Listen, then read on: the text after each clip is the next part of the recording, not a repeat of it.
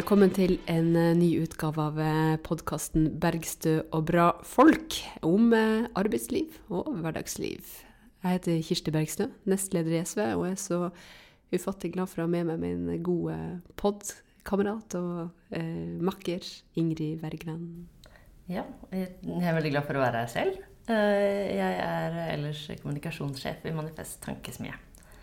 Og i dag så skal vi ta opp et tema som eh, noen kanskje ville sagt at vi har tatt opp før.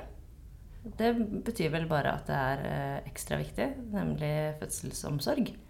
Vi hadde jo besøk av Bunadsgeriljaen noen uker tilbake. Nå handler det om et annet konkret fødetilbud som som eh, jeg har sett Bunadsgeriljaen allerede har eh, vært og forsvart på Ullevål, nemlig ABC-klinikken på, på, Ullevål. Og for å eh, snakke med oss eh, om det, og om det som skjer der, eh, og om fødsler, så har vi med oss eh, jordmor på ABC-klinikken ved Ullevål. Elisabeth Grimstad, velkommen hit. Tusen hjertelig takk. Du, kan ikke du si litt om deg sjøl? Eh, ja. Eh, jeg er jordmor, da, og det har jeg vært i nesten 30 år. Eh, Tatt imot har, mange liv. Ja, jeg har det, altså. Men eh, jeg har mista litt uh, oversikten. jeg hadde oversikt nokså lenge, men uh, nå glipper det litt. Men det er ganske mange i årenes løp, ja. Mm. Jeg har jobbet på ABC helt fra starten, i 1997 da den startet opp på Aker. Og så ble vi jo flyttet til Ullevål i 2004. Og da har jeg vært der siden med et lite avbrekk med jobb i fagforening og på observasjonsposten for gravide. Så er jeg mamma til to voksne jenter og mormor til to og bonusfarmor til én. Full lykke. Kan ikke du fortelle hva som er uh, spesielt med ABC-klinikken? Jo, det er uh, altså en avdeling hvor vi tilbyr svangerskapsomsorg, fødsel og barseltid på samme avdeling med samme personale. Uh, og hele tanken bak konseptet er jo nettopp den kontinuiteten med at de gravide går på kontroll hos oss, føder på en kjent avdeling med kjent personale og er der i dagene etter fødsel. Og det med kontinuiteten er jo bærebjelken i hele konseptet. Og det er en jordmorstyrt? Det er en jordmorstyrt avdeling, ja. De som søker seg plass der, de, de ønsker seg jo da i utgangspunktet en naturlig fødsel uten bruk av smertelindrende medikamenter. Men vi har jo selvfølgelig mulighet for å overflytte til vanlig avdeling ved, hvis det er behov for det.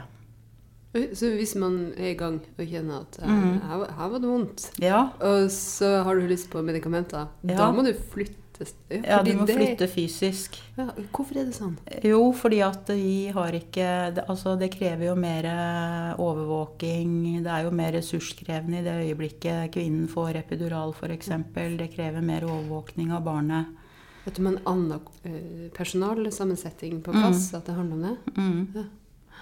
Det krever jo anestesipersonell for å sette mm. bedøvelsen og mer eh, kontinuerlig overvåkning av barnet underveis i fødselen. Men når, når det er sagt, da, så er det sjelden at vi må overflytte kun pga. behov for smertelindring. Det er som regel i kombinasjon med at fødselen har dratt ut i tid, og at mammaen er sliten og trenger litt hjelp for å komme videre.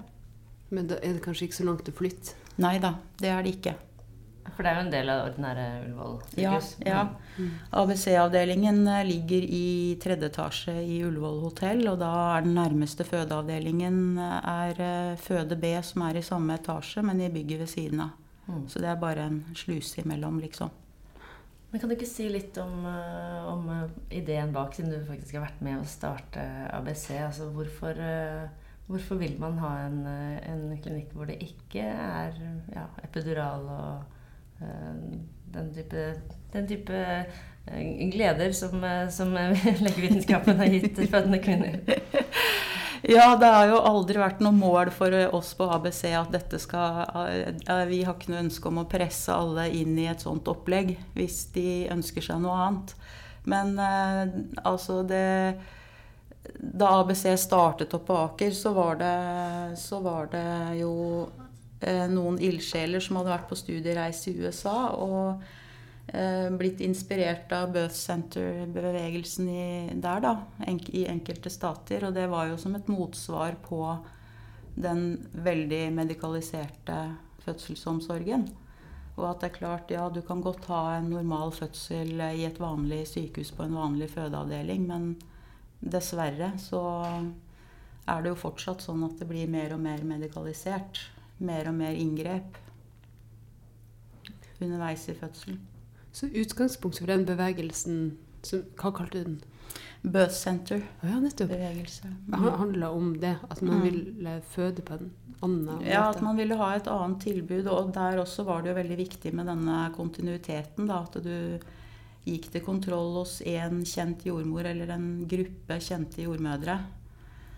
Og det er jo siden gjort veldig mye forskning på at det er bra. Det gir eh, bra resultater for barna, og det gir bedre resultater for mødrene. Med mindre inngrep og eh, at de er mer fornøyd, faktisk. Men kanskje man også kan forhindre inngrep med en sånn tett oppfølging og kontinuitet i mm. fagpersonene som, som, følger opp de gravide? Ja, det kan du jo. Vi har jo en seleksjon av kvinner, da, og det også er vi litt bekymret for hvis svangerskapsomsorgen vår nå blir borte, så vil jo ikke vi ha samme mulighet til eh, å selektere kvinnene som kan være hos oss. For det forutsetter jo at de har et normalt svangerskap, og at man forventer en normal fødsel. For det kan godt hende folk som hører på denne podkasten, har sett uh, disse oppslagene som har vært i avisene siste tiden, nemlig at ABC-klinikken nå er truet uh, for nedleggelse. Mm. Uh, og da, da kan du ja, fortelle hva denne, hva denne trusselen Hva som ligger i den? De kvinnene som får fødeplass på ABC, de begynner svangerskapsomsorgen hos oss i ca. uke 24. Og så er det jo sånn vanlig anbefaling at man går til kontroll i uke 24, 28, 32, 36, 38 og 40. Sånn at det blir jo en del kontroller hos oss. Mens nå vil eh, ledelsen at vi skal slutte med alle svangerskapskontrollene våre. og at det skal foregå i bydelen. Altså på helsestasjon eller fastlege eller hvor går. Ellers er jo fødselsomsorgen organisert akkurat sånn. Ja. Nemlig at uh, svangerskapsoppfølging gjøres i, i kommunen, mm. og, så, mm. og, så, er fødselen på sykehuset. Mm. Det som bekymrer oss, er at uh, fastleger og helsestasjoner de er jo ikke vant til å selektere etter våre kriterier. Sånn at uh, vi vi vil jo selvfølgelig miste kontinuiteten, og det mener vi at vil gå utover de kvinnene som ønsker seg et sånt opplegg da, med kontinuitet og kjent sted og alt dette her. Eh, mens eh, for oss så vil det bli litt mer krevende å få inn kvinner som ikke vi selv har selektert. For å fortelle litt om den seleksjonen som mm. dere har. For dere har jo en liten liste man må, mm. man må sjekke riktig av for, ja. for, å få føde hos dere. Ja. Du må være i utgangspunktet en frisk person, da. Og ikke ha noen alvorlige kroniske sykdommer. Hvis du har født før, så kan du ikke ha hatt keisersnitt for å gå hos oss. Ehm, du må ikke være veldig overvektig. Du må være ikke-røyker. Det er vel det viktigste. Mm. Og så må man jo selvfølgelig da i utgangspunktet ønske seg en eh, naturlig fødsel. Ellers så er det jo feil sted hvis man ikke gjør det. Mm. Og hvorfor er det så viktig at uh, de fødende oppfyller disse kriteriene? Jo, fordi at alle de tingene som jeg nevnte, da, det krever mer eh, tett oppfølging. Eller, altså, de får jo tett oppfølging på ABC, men vi bruker f.eks. ikke kontinuerlig overvåkning i fødsel. Fordi all forskning viser at for friske, normale fødende så er det ingen gevinst ved å gjøre det. Det er litt sånn faguttrykk. Hva ligger i kontinuerlig over? Ja, at du, har, eh, at du har en eh, sånn maskin som eh, registrerer hjertelyden til barnet kontinuerlig gjennom hele fødselen. Vi lytter på hjertelyden med jevne mellomrom, sånn som er anbefalt å gjøre. Og så må vi overflytte hvis det er mm, noe med hjertelyden som gjør at vi tenker at denne babyen må overvåkes nøyere. Altså med kontinuerlig overvåkning, da. Jeg har jo faktisk, eh, jeg kjenner ABC-klinikken veldig godt, for jeg har jo faktisk vært der med alle mine tre barn. Alle tre? Alle tre. Eh, jeg, jeg var altså Jeg har jo tre sønner som er født eh, ja, 2005, 2007 og 2011. Og var, var utrolig glad for å få plass. Jeg fikk jo råd fra en venninne som, som, hadde hørt om dette her, da. At uh, hun hadde ikke barn selv, men dit skulle hun føde, i hvert fall. Og måtte, måtte søke fort, da, for det var vanskelig å få plass. Og i det øyeblikket jeg hadde funnet ut at jeg var gravid, så søkte jeg. Og da, da var det jo veldig veldig Det føltes veldig trygt da, å komme til, til, sykehuset allerede i svangerskapet. Nemlig derre Det å bare få se rommet man skal føde i, og, og bli kjent med jordmoren. Da hadde jo jeg Eh, en jordmor som ikke altså Hvis hun var på vakt, så ville jo hun være den mm. som skulle følge meg i fødsel. Men eh, det kan man jo aldri garantere. Heldigvis var jo fødsler ofte litt eh, så lenge at det går over en vakt. men uh, Øker sannsynligheten for å få jordmora di. ja. Nei, men det, jeg syns det var veldig trygt og, og, fint. da. Så jeg hadde en veldig veldig god, god opplevelse med, med, det, med den oppfølgingen jeg fikk der. Eh, men som, som, du sa i starten, så, så, er jo ikke grunnen til at folk flytter over til føde B, som, mm. Eh, som jo når det skjer, eh, at folk ikke holder ut smertene. fordi det har jo vi kvinner klart i tusenvis av år. Men, men det er faktisk bare ett av mine tre barn som faktisk ble født på ABC-klinikken. Fordi Leonard, han førstemann, Uh, utleverer han her, men han var jo så liten. han var ikke skyld i det sjøl? han hadde bæsja i fostervannet. Og ja. det, da var det, liksom, da var det risiko og fare på ferde. Så da, for å få opp farten på en fødsel, så ble jeg trilla inn på, på føde B. Ja, for det er, en, det er en sånn tilstand som krever denne kontinuerlige overvåkningen, da. Nettopp. Fordi at når de bæsjer i fostervannet, så kan det bety at babyen er litt under stress. Mm. Nettopp. Og så var det nummer to, som kom et par år etterpå. Har dere hørt på høy musikk? Metal i uh, bilen på vei opp. Ungen ble så stressa at det ble ja. Fødsel nummer to? Ja, nei, han, eh, han, eh, oppførte seg mer etter planen. Så han hadde en veldig, veldig idyllisk fødsel i, i vann. For det var et bade, stort badekar. Da, som er det sånn? Føde. Ja, det var veldig flott. Mm. Jeg hadde også noen andre sånne Vi snakket om smertelindring i sted. Det var jo eh, noen sånne saltvanns... Eh... Steriltvannspapler. Ja. ja. det var et veldig rart konsept. Hva er det for noe? Det er bare sterilt vann som du setter rett under huden. Som svir noe helt infernalsk akkurat med en gang du setter det. Men det irriterer noen smertepunkter, så det kan virke smertelindrende. Særlig ryggsmerter. Ja. Jeg hadde jo vondt. Eh, jeg er jo ikke, jeg er ikke et overmenneske heller. Det tror jeg du er. Men uh, sjøl overmennesker kan jo ha vondt i fødselen. Ja. ja. Nei, så da fikk jeg disse saltvannsgreiene. Og jeg husker det, altså, du hadde jo en mer presis faglig forklaring. Min, mitt minne av hvorfor jeg fikk disse, det var at det, de setter vi fordi Og de ligner litt på vepsestikk, og de er så plagsomme at du slutter å tenke på de andre smertene. på den pedagogiske ja, fremstillingen? Smerte, hindre, fjerner smerte, liksom. Og så var det også noe det var, Jeg hadde noe akupunktur også, husker jeg. Mm. Mm. Vi bruker en del akupunktur. Mm. Er det jordmødre som gjør det òg? Mm. Ja. De, de fleste hos oss har gått et sånn spesielt kurs for jordmødre. For å lære akupunktur i graviditet og fødsel. Mm. har også vært var det tredje fødselen. Han, eh, han, ville rett og slett ikke ut. Altså det var det ingen interesse for å, for å Altså Fødselen kom ikke i gang eh, på noe tidspunkt. Så der måtte den settes i gang, da. Eh, og det, det, gjør man jo heller ikke på, på ABC. Da. Nei. Så da, da, var det sånn. Da fikk vi et time lørdag klokka ni. Så da husker vi tok bussen opp til sykehuset. 'Hei, jeg har time, jeg skal føde nå'. så var det inn og sette det. Ja. Men det gjøres med medikamenter, eller?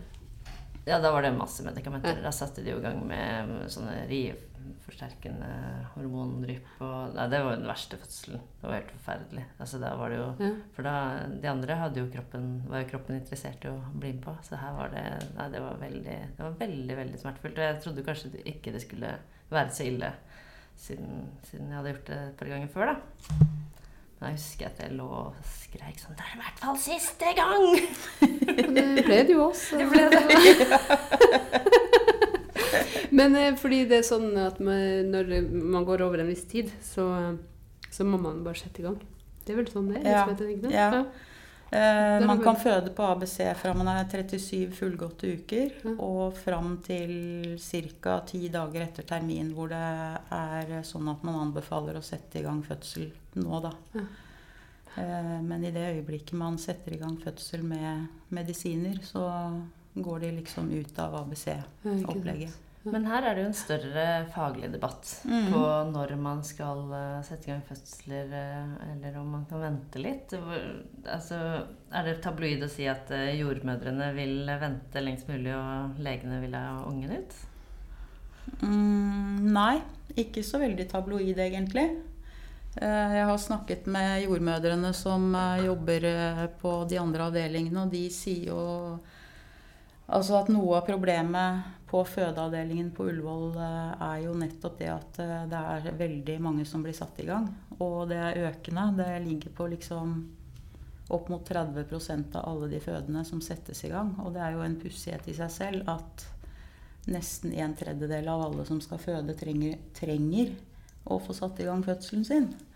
Og det kan være litt vikarierende motiver for å sette i gang. Det er eh, Det er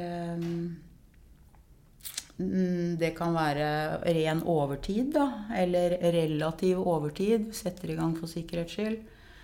Og det er dårlig med timer på poliklinikken, sånn at man har ikke kapasitet til å ta de kvinnene inn på en ny kontroll. Så da setter man i gang isteden. Altså det er vanlig med overtids, såkalt overtidskontroll sånn ca. en uke etter termin. Og så, hvis ikke de blir satt opp til eh, induksjon, da, som det heter på fagspråket, så skal de inn igjen egentlig etter et par dager til en ny sånn overtidskontroll. Og da sjekker man jo fostervannsmengde og at babyen har det bra. Og da er det jo ikke noe i veien for å vente, men da blir man ofte satt opp til induksjon istedenfor å få en ny time om to dager. Og det er det jordmødrene eh, syns blir eh, liksom eh, too much too soon, for å si det på den måten. Mm.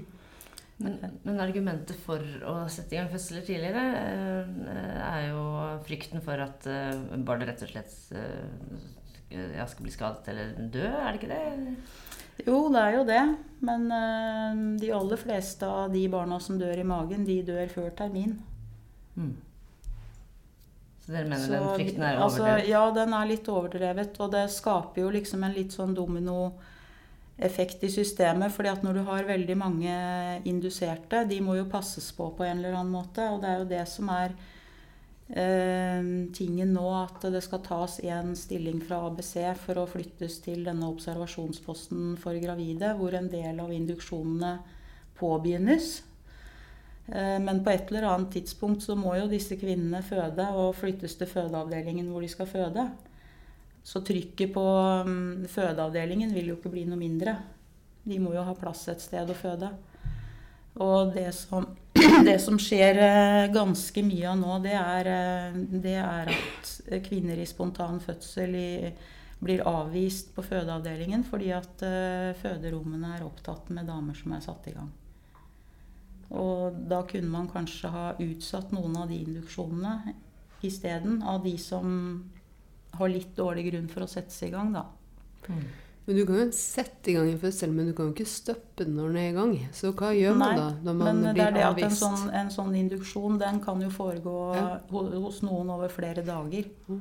Det er tenk- ikke så enkelt å liksom bare gi én Mm. medisin, og så er du i gang. Det, dessverre. Men jeg tenker på alle de som faktisk opplever å bli avvist når fødselen er i gang. Mm. Hva Ja, skjer nei, med det? de må dra til andre sykehus og Så føde.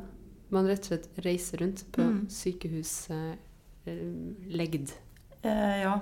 Det er jo for så vidt eh, mottaket på Ullevål som da er ansvarlig for å finne en fødeplass eller et sykehus som har ledig kapasitet. da. Og det, ja, vi tar jo en del på ABC av de som er friske, så kan vi ta en del av de Av fra mottaket. Ja. Mm. Så vi, men vi er to jordmødre på jobb, så det er jo da avhengig av at vi har ledige jordmorhender og ledige rom. Det er ikke sant. Hvis vi ikke har det, så kan vi jo ikke. Jeg bare fikk sånne her bilder av eh, en viss eh, historisk kvinneskikkelse som red rundt på et esel og lette etter et sted å føde. Ja. Ja. Bare at eh, nå er det vel taxi eller sykebil, alt- etter som. Bil. Mm. ja, eller egen bil. Ja. Ja, altså Da er det jo ikke så langt mellom sykehusene i, i Oslo-området som det er i, i Finnmark.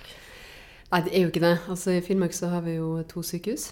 I, i, i, eh, Hammerfest og, og, eh, og Kirkenes. I tillegg så har vi en, en sånn fødestue i Alta. Ja, Eh, der er det jo- fødestue ja. som man kan ja. Det er en fødestue. Men der er, også, der er det jo også jordmødrene som selekterer. I forhold til at førstegangsfødende, eh, overvektige Og så er, det en, så er det jo alltid en diskusjon om noen Noen syns jo at det er for strengt hvem som ikke får føde der de Mhm. bor, Mm. eh, og som, eh, som da føder et annet sted.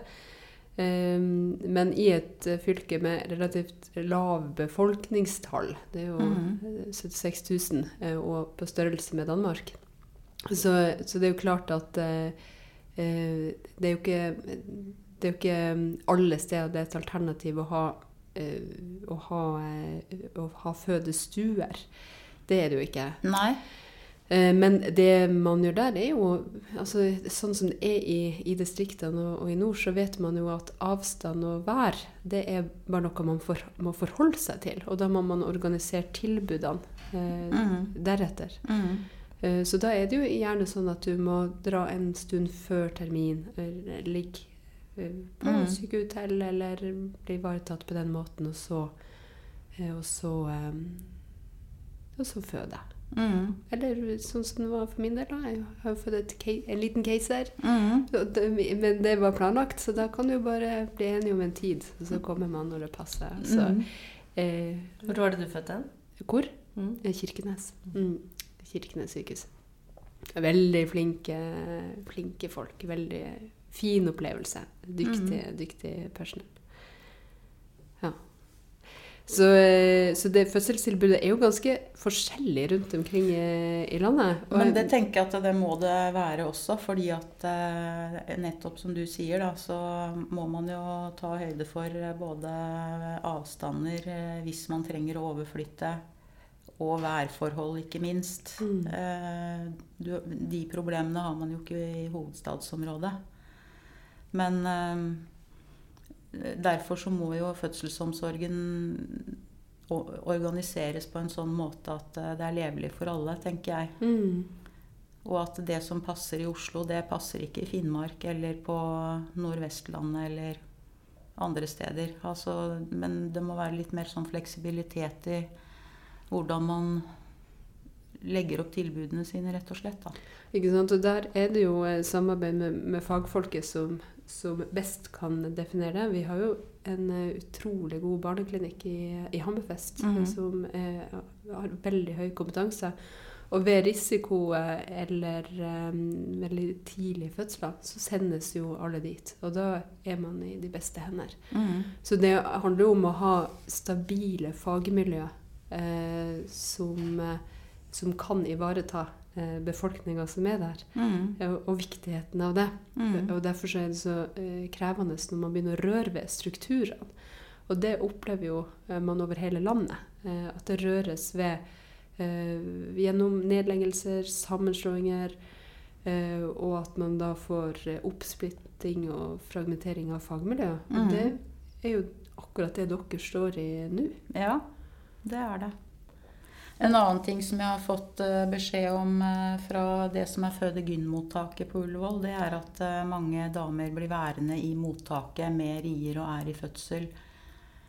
Eh, altså ligge i en korridor eller eh, i beste fall inne på et eh, undersøkelsesrom. Og vente og vente og vente på fødestue fordi at det ikke er ledig fødestue og ikke ledig jordmor på føden. Og det er jo heller ikke bra. Nei. Men eh, det er jo alltid et spørsmål om eh, ressurser. Eh, og det jeg lurer på her, som jeg ikke får helt til å gå opp, da, er at med ABC-klinikkens ideologi, da, hvis vi kan kalle det det, eller idé og, og, og liksom driftsmåte, så høres jo ikke det ut som en, egentlig en veldig dyr eh, avdeling, eller? Nei, altså Vi koster jo lønna vår, selvfølgelig. Men eh, Det skulle bare mangle. Ja, det skulle bare mangle, egentlig. Men, eh, men eh, Nei, det er jo ikke det. Men så har du dette finansieringssystemet, da. At eh, jo mer inngrep og komplikasjoner, jo mer penger tjener man jo. Fordi det er denne innsatsstyrte finansieringen. Sånn at en helt normal fødsel som vi har på ABC, da blir det jo ikke mye penger i kassa. Nei, for du ville fått mye mer penger hvis det var et hastekeisersnitt. Ja. Det er jo mer ressurskrevende òg, selvfølgelig. Men eh, sånn, at sånn sett så er det jo rimelig at man får bedre betalt for det. Men det er ikke sånn at man blir premiert for å holde ting normalt. Det er liksom poenget. Dette får jeg helt hjernefrys av å høre om. Det er jo helt sjukt. Men, men, men mener du Eller opplever dere det? At det er at det, det, man rett og slett gjør faglige valg basert på hvordan denne økonomiske modellen er innrettet? Jeg kan vel ikke jeg, jeg Det ville kanskje være litt drøyt å påstå, men det er sånn at jo mer koder du kan skrive, eh, jo mer penger genererer det jo. Men jeg har, jo ikke noe, jo ikke noe belegg for å hevde at man med vilje påfører damer inngrep for å tjene mer penger. Men er det sånn at dere da for å tilpasse dere denne økonomiske modellen, bør uh, jobbe hardere med å dokumentere uh, godene denne svangerskapsoppfølgingen har for at fordi Du mener jo at den fører til -hmm. mer normale fødsler og, og, og, og færre inngrep, da. Ja, altså den, det er jo gjort masse, masse, masse forskning på det. Uh, og det viser at utkommet for barna er minst like bra som uh, ved vanlig type omsorg. Og utkommet for mødrene er bedre fordi at det er mindre inngrep. de damene er mer fornøyde mm. med omsorgen ved kontinuitetsmodeller. Eh, hvis man skulle dra det kontinuitetsbegrepet veldig langt, da, så er det jo mange steder hvor de har en sånn caseload. Eh, at én jordmor har liksom én gruppe kvinner som hun følger gjennom svangerskapet og er med i fødsel og har oppfølging etterpå. Det vil jo liksom være det ideelle. Men med arbeidstidsbestemmelser som man har hos oss i Norge, så er jo det veldig vanskelig gjennomførbart. Men det er vi glad for. At vi har ja, arbeidsdiskusjon. Absolutt. Eh, fordi det er også gjort forskning på det som viser at eh, det er en relativt høy eh, burnout hos eh, jordmødrene. Særlig hvis de har en veldig stor caseload, og det må du jo nesten ha for å opprettholde livet, holdt jeg på å si. Mm. For da får du jo betalt per dame. Mm. Men der er det jo Det er jo sånn som de driver i systemer hvor det er en pott penger som følger damen. Mm. Ikke hvor det er inne i et eller annet sykehussystem. Da. Australia driver bl.a. en del med det. Okay. Men hele markedsrettinga i sykehussektoren er jo, eh, er jo vill. Fordi at det påvirker jo hvordan man bygger opp og bygger ned tjenester. og hva mm. som, eh, hvordan man kan bygge, og, og, hvor de skal være. Og, og hele, mm. Det er jo en krevende modell. Og ikke tenke at her skal vi bruke fellesskapets midler på å bruke, gjøre folk friske og bygge mm. opp eh, tilbud etter behov, men mm. at man må ha eh, kjøp og salg av eiendom og hele Ja. Eh, ja. Men eh, vi har jo tilpasset denne kontinuitetsmodellen sånn at det er eh, levelig for oss som jobber der, og hvor det passer inn i det systemet vi har med arbeidstidsbestemmelser og alt dette her. Og det har vi jo holdt på med i 22 år. Sånn at uh, det er jo et opplegg som fungerer bra for brukerne, og det fungerer bra for oss som jobber der.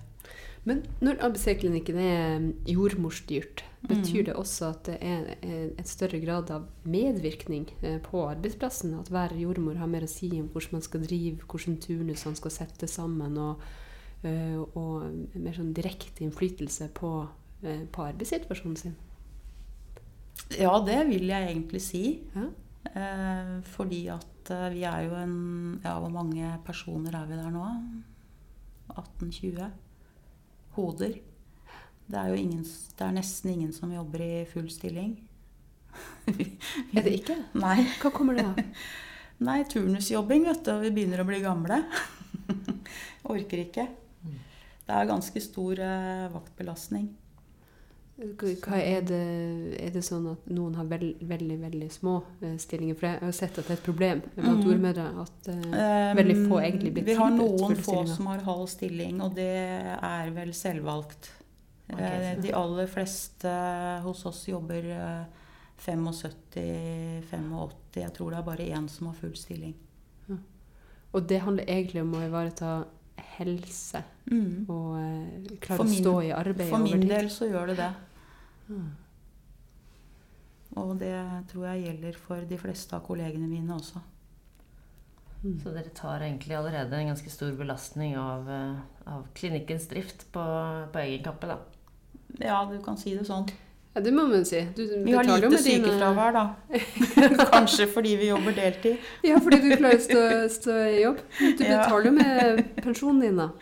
Ja, det er jeg fullstendig klar over. Ja. Men eh, man skal jo ha et liv eh, nå også. Mm. Jeg sitter og tenker på en ting, og det er eh, noe som jeg er usikker på om er egentlig særlig utbredt i Norge, men jeg har sett en del andre land, kanskje særlig eh, med hjemmefødsler. Märtha Louise drev vel med det, tror jeg. Gjorde hun det? Jeg husker jeg leste noe Mhm. opps oppslag om det. Ja, at hun fødte jeg, Ja. jeg, kjenner, jeg kjenner noen som har gjort det. Og noen som Med vilje? Med vilje. Ja, som har en sånn idé om at det å føde ikke sant? Det blir jo litt, litt samme tankegangen at det er trygge omgivelser og sånt, mm. men uten den her tette faglige oppfølginga. Mm. Eh, og noen ganger har det gått galt, og det har vært kanskje vært langt eh, til sykehuset. Eh, så har det gått bra likevel, fordi kompetansen er innen rekkevidde så lenge vi lever i et land med, Mm. ja, der du kan få luftbåren hjelp. Men veldig mange flere kvinner kunne ha født hjemme. ja. Og på ABC så har vi jo prøvd å tilrettelegge sånn at det skal være mest mulig hjemlige forhold. Så det er vel det nærmeste du kommer hjemmefødsel på sykehus, for å si det sånn. Og der har du jo sikkerhetsnettet med at du har den vanlige fødeavdelingen rett vegg i vegg. Men øh, føde hjemme, det Ja, mange flere kunne ha gjort det, men det er et spørsmål om øh, folk har råd til å betale, da, for da må de jo betale selv. Da må man betale sjøl at jordmora kommer hjem til deg. Du må betale De får en viss sum. Eh, Jeg husker ikke akkurat hva Men den man kan få det taksten av helsevesenet, liksom. Ja, men det er ikke mye, altså. Det er 5000-6000 kroner, tror jeg. Mm. Og det er jo lønn til jordmor. Og så hvis du ønsker at jordmora skal ha vaktberedskap, for du vet jo ikke akkurat når den fødselen begynner, Nei. så må man selv betale jordmora for vaktberedskap. For hvordan avtale skal man ellers inngå? Nei, det er det, er det da. Men det offentlige betaler ikke den vaktberedskapen. Eh, det er helt greit, tenker jeg. Men eh, At man ikke har det? nei, altså, vi har jo vaktberedskap på sykehusene, sånn at hvis man skal ha en sånn hjemmefødselsordning i tillegg, så Jeg bare har registrert at blant jordmødre er det her en veldig stor diskusjon om hva som er de beste forutsetningene for fødsel, og hva som blir, eh, Mhm. blir liksom den beste investeringa i mor og barn eh, og den nye familien på sikt. Mhm. Eh, så jeg tenker at det er liksom verdt å, verdt å høre på hva, hva, man, hva man tenker. Ja. Ja, ja, jeg har ingen motforestillinger mot det. Men det. Og det er jo gjort forskning eh, i Norge, faktisk, på, eller i Norden, på at eh, det går helt fint med hjemmefødsler. Det er veldig gode resultater eh, på det. Men eh, du har det der med pengene. Og så eh, Det vi kanskje ønsker, det er jo mer at eh, de som ønsker hjemmefødsel, eh, kunne ha fått den potten med penger da, som eh, det koster å føde på et sykehus, så hadde det jo ikke vært noe problem å lønne jordmora for det. Ja, eller at man kanskje kunne hatt nok jordmødre. Eh, fordi jeg er jo litt, litt skeptisk til sånn at pengene følger pasienten, og, og, for, og forsterker det, det, løpet der. Mm. Men jeg er veldig for å få behovet dekt. Mm. men, men, det jeg tenker på nå i forhold til liksom ABC, og hvis, hvis, når tilbudet der eh, blir rasert, mm. um, og alt handler om penger Mm.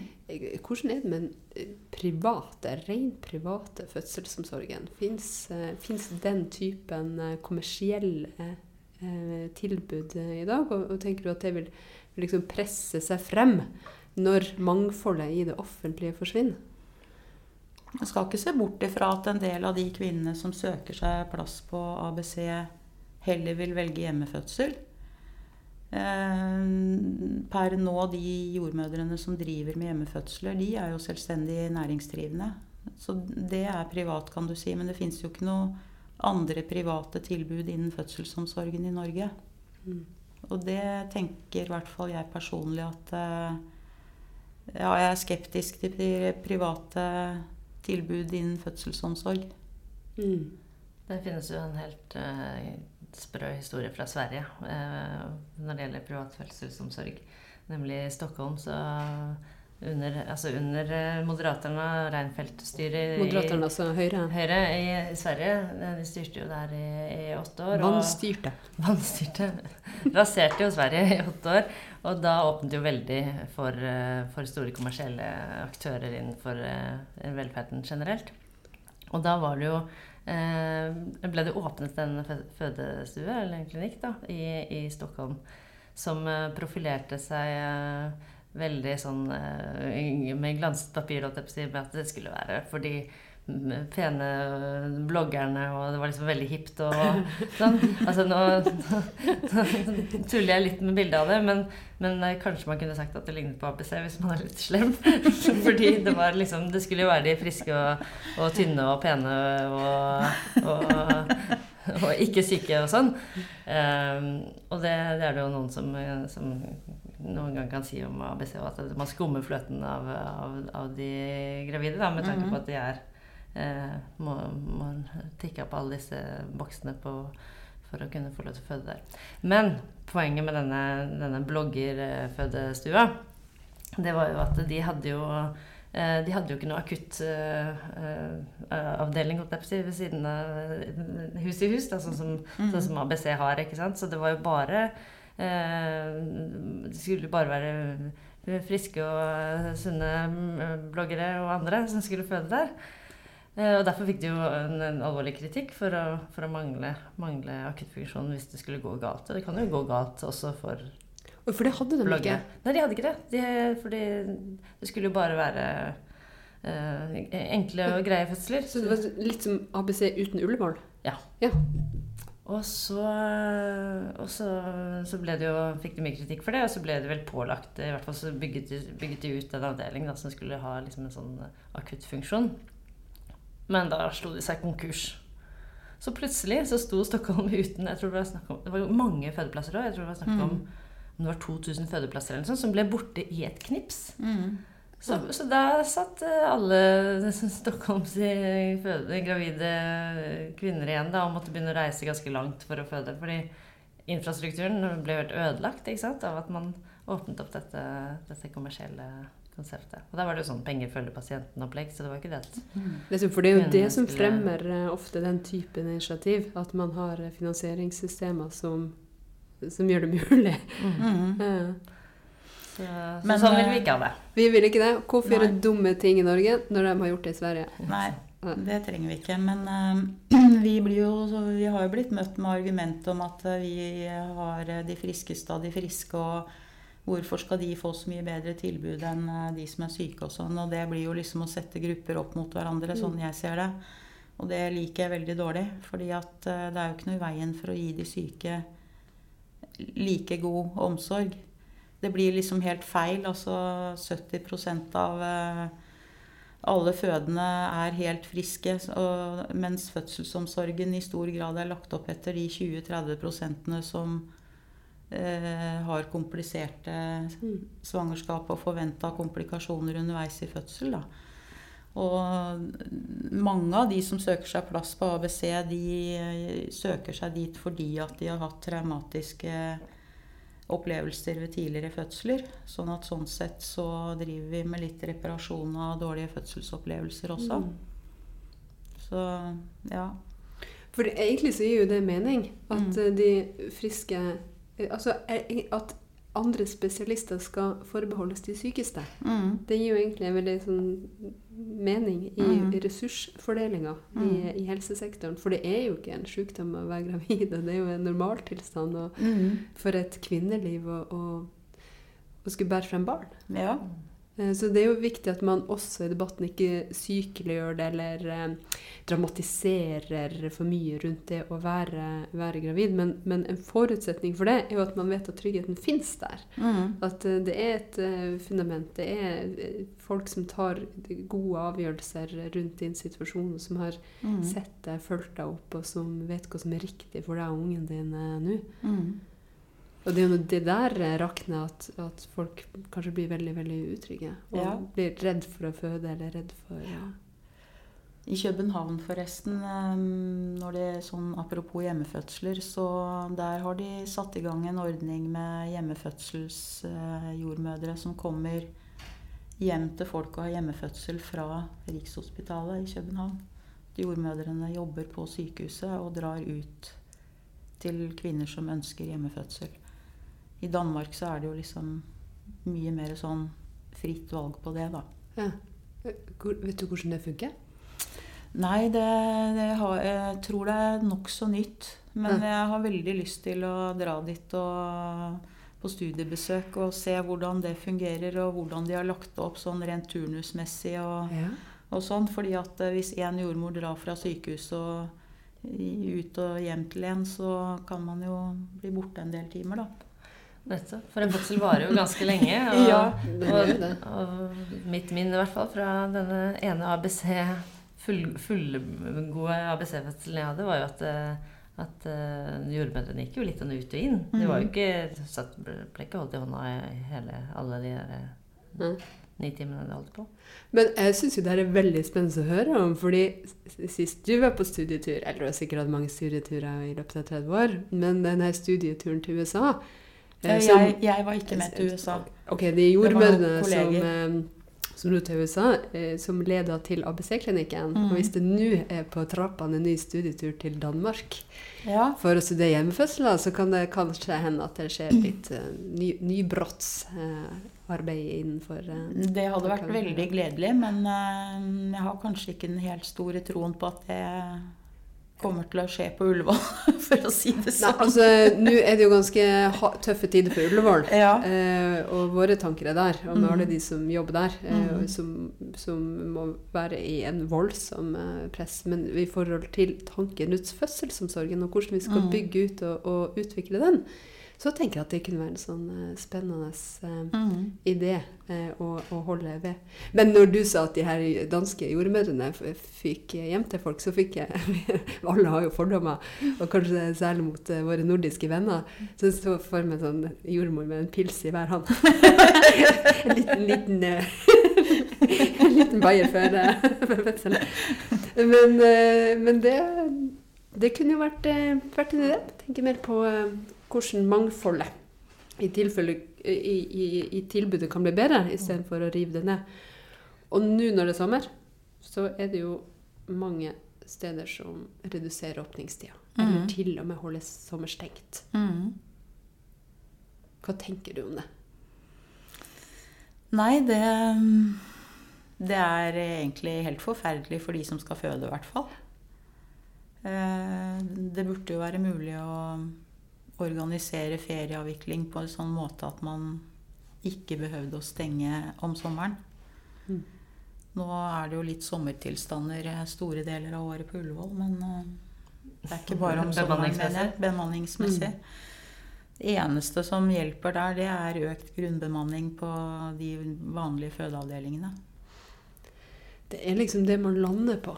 Mm. Det er økt bemanning. Men det som er en pussighet, er at uh, fødeavdelinger er jo ikke bemannet som en akuttavdeling, merkelig nok.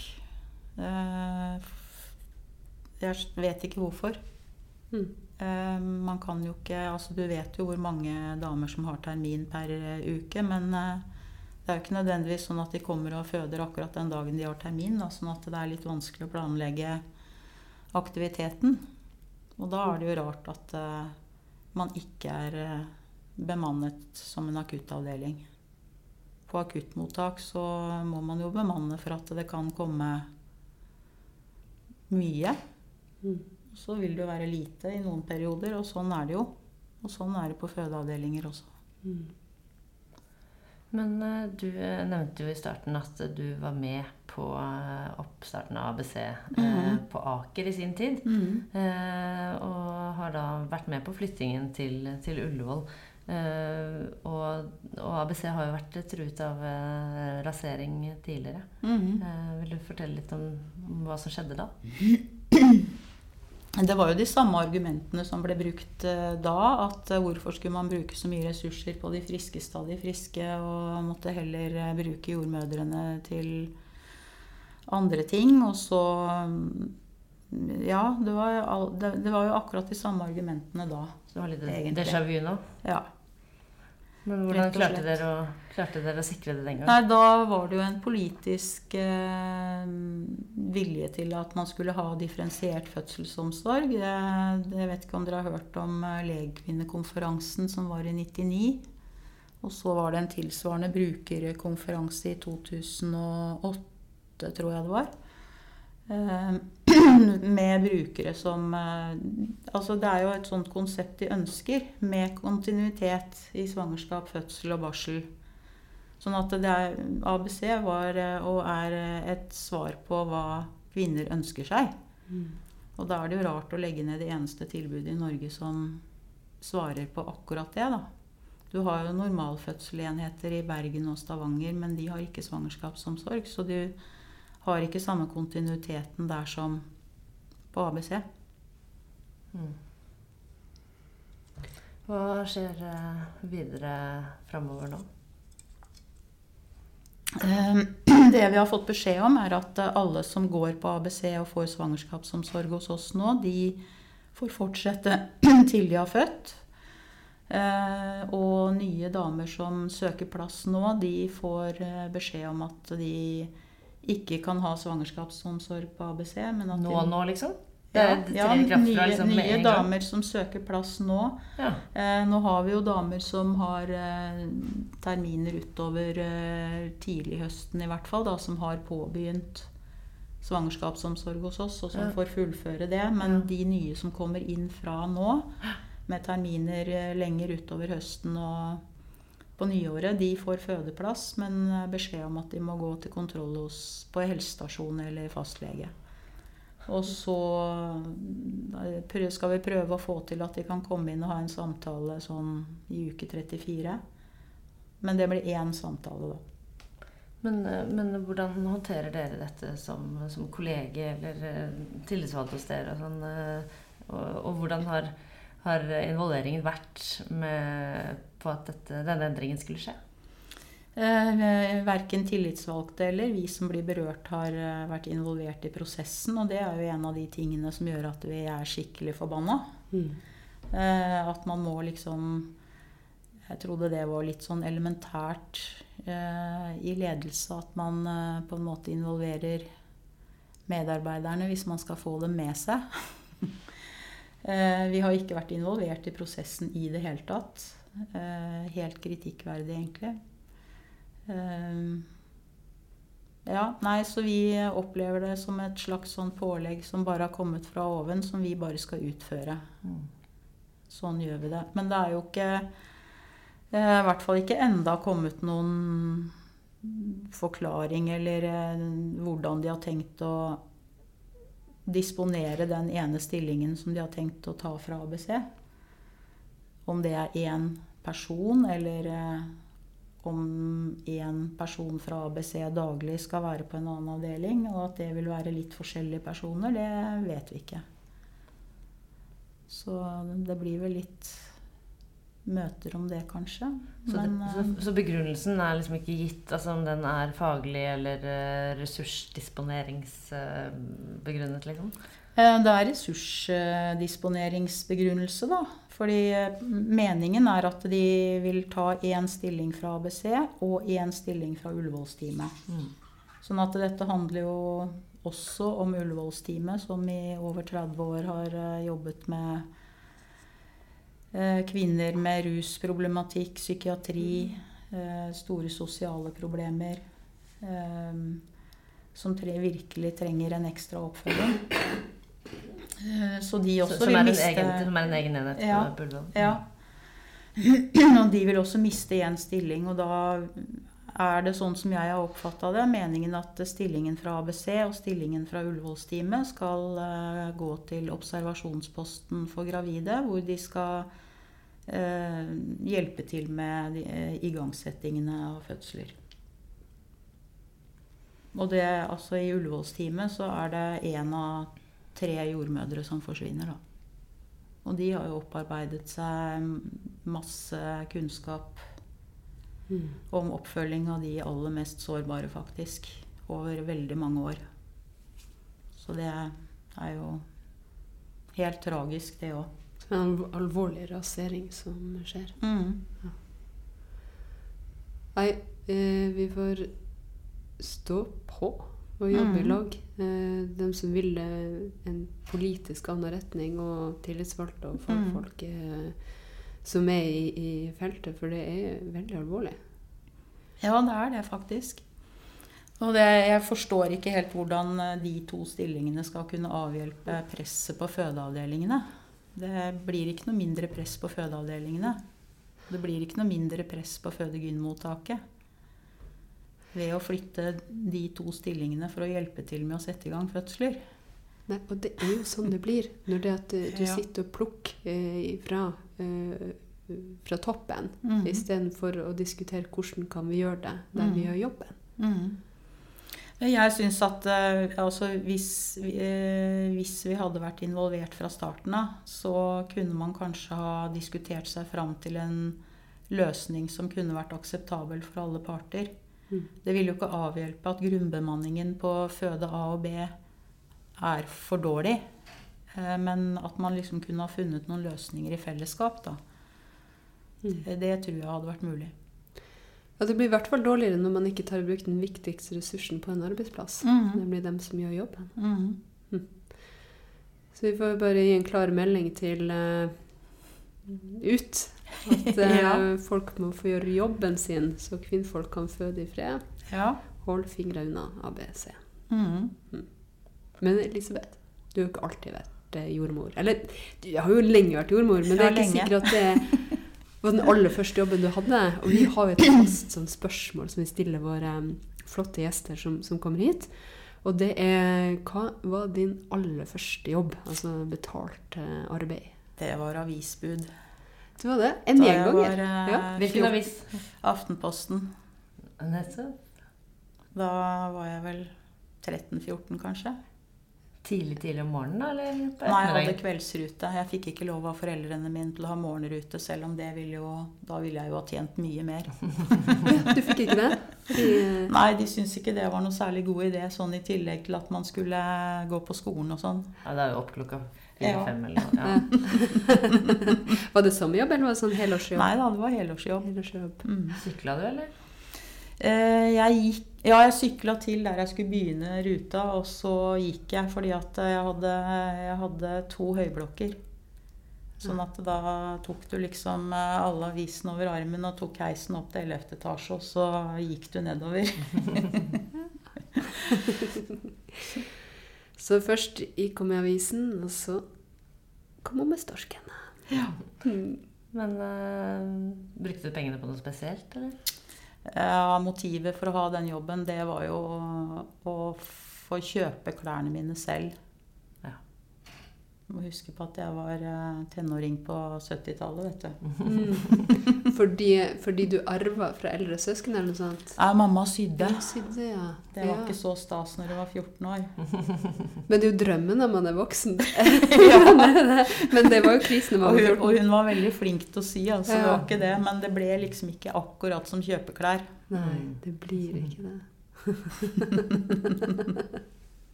Det var eh, veldig fint å ha deg her, eh, Elisabeth.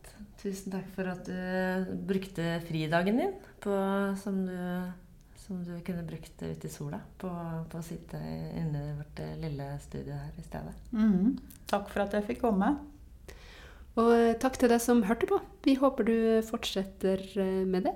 Gjerne lik, del, anbefal, og kom med tilbakemeldinger hvis du måtte ha det. Ha en fantastisk dag videre. Bye.